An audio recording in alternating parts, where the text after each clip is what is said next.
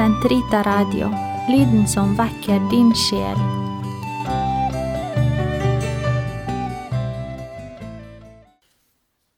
Den katolske kirkes katekisme på ett år. Uke én, søndag eh, eh, Paragraf 2558 til 2565. Fjerde hoveddel kristen bønn.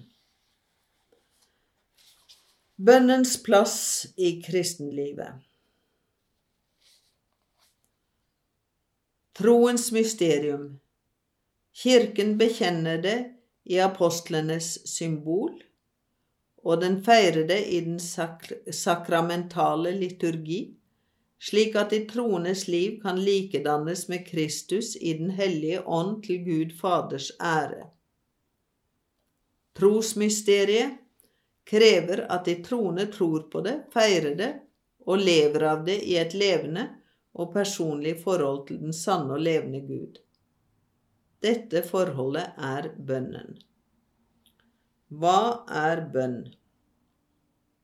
For meg er bønn et hjertets sprang, et enkelt blikk mot himmelen, et takknemlighetens og kjærlighetens rop, midt i prøvelsen som midt i gleden.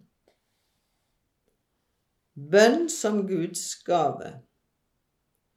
Bønnen er sjelens løftelse mot Gud eller å be ham om høvelige goder. Hvor taler vi fra når vi ber? Fra høyden av vårt hovmod og egenvilje, eller fra dypet av et ydmykt og angerfullt hjerte? Det er den som ydmyker seg selv, som blir opphøyet. Ydmykhet er bønnens grunnvoll. Selv vet vi ikke å be slik vi burde. Ydmykhet er å være innstilt på å motta bønnen som en gave. Foran Gud står mennesket som en tigger. Dersom du kjente Guds gave Bønnens under viser seg nettopp der, ved brønnkanten der vi kommer til å, for å hente vann. Der kommer Kristus hvert menneske i møte. Han søker oss først, og det er han som ber oss om å få drikke. Jesus tørster, og hans bønn springer ut av dybdene i Gud som lengter etter oss. Enten vi vet det eller ikke, er bønn et møte mellom Guds tørst og vår. Gud tørster etter at vi skal tørste etter ham. Da ville det være du som ba ham, og han skulle gi deg vann fra levende kilder. Når vi ber om noe, er det paradoksalt nok et svar, svar på den levende Guds klage. De har gått bort fra meg, kilden med det levende vann, og de har hugget seg brønner, sprukne brønner, som ikke holder vann. Troens svar på det frie løftet om frelse, kjærlighetens svar på den enbårne sønnens tørst. Bønnen som pakt. Hvor kommer menneskets bønn fra? Uansett hvilken uttrykksform bønnen benytter seg av, bevegelse og ord, er det hele mennesket som ber. Men når Skriften skal beskrive det sted bønnen springer ut fra, taler den av og til om sjel eller ånd, men som oftest om hjertet. Det er hjertet som ber. Dersom hjertet er langt borte fra Gud, er bønnen forgjeves. Hjertet er den bolig hvor jeg lever, hvor jeg bor, ifølge semittisk eller bibelsk uttrykksmåte, der hvor jeg stiger ned. Det er vårt dulgte midtpunkt som verken vår fornuft eller noen andre kan gripe tak i. Bare Guds ånd kan lodde og kjenne det. Det er det sted beslutningene treffes, dypt nede i vår sjels tilbøyeligheter. Det er sannhetens sted hvor vi velger mellom liv og død.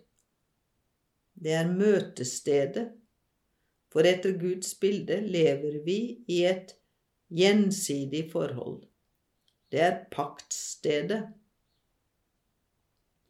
Kristen bønn er et paktsforhold mellom Gud og mennesket i Kristus. Den virkes av Gud og av mennesket. Den springer ut av Den hellige ånd og av oss, helt rettet mot Faderen, i forening med Guds sønns menneskevilje, han som ble menneske. Bønnen som fellesskap.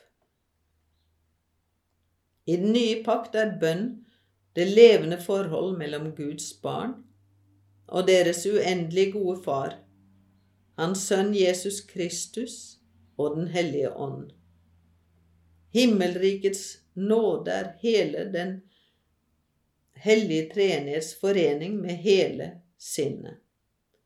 Å leve i, i bønn er derfor å ha for vane å oppholde seg i nærvær av den tre ganger hellige Gud og leve i fellesskap med ham. Dette livsfellesskapet er til enhver tid mulig for gjennom dåpen er vi blitt ett med Kristus. Bønnen er kristen i den monn den er et fellesskap med Kristus og vier seg ut til å omfatte Kirken, som er hans legeme. Bønnens omfang er Kristi kjærlighets omfang.